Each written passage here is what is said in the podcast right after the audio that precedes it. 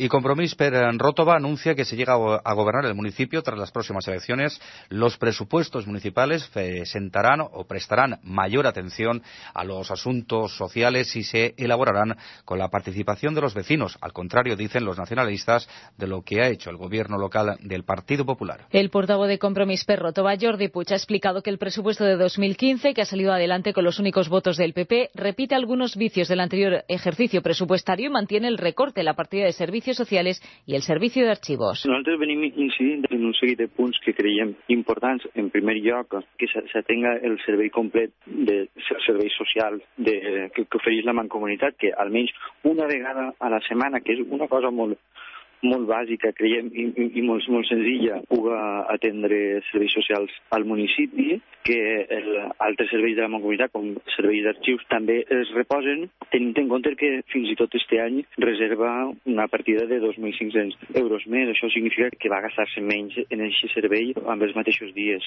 Si el servei és més barat, ens podem permetre oferir-lo de manera íntegra. Los nacionalistas mantienen además que la decisión de aplazar el pago de 300.000 euros a proveedores, acogiéndose al nuevo decreto aprobado por el Ministerio de Hacienda, supone retrasar el problema sin afrontarlo y permitir al PP que afronte tranquilo las próximas elecciones. Hem vist amb sorpresa que l'Ajuntament no havia de fer front a l'amortització a 2015. L'Ajuntament, com molts ajuntaments, s'ha adherit al decret que, que va fer el Ministeri del 30 de desembre que eh, el permet no pagar l'amortització la, del préstec de proveïdors a 2015. El Ministeri ha donat cafè per a tots, és un any electoral i, per tant, els ajuntaments que han balafiat se'ls permet gastar i, i deixar aquest préstec per a l'any que ve. El que realment passa és que no estem afrontant el, el problema del, del pagament del deute i tenint en compte que, que parlem de xifres bastant considerables i que hem d'afrontar tard o d'hora.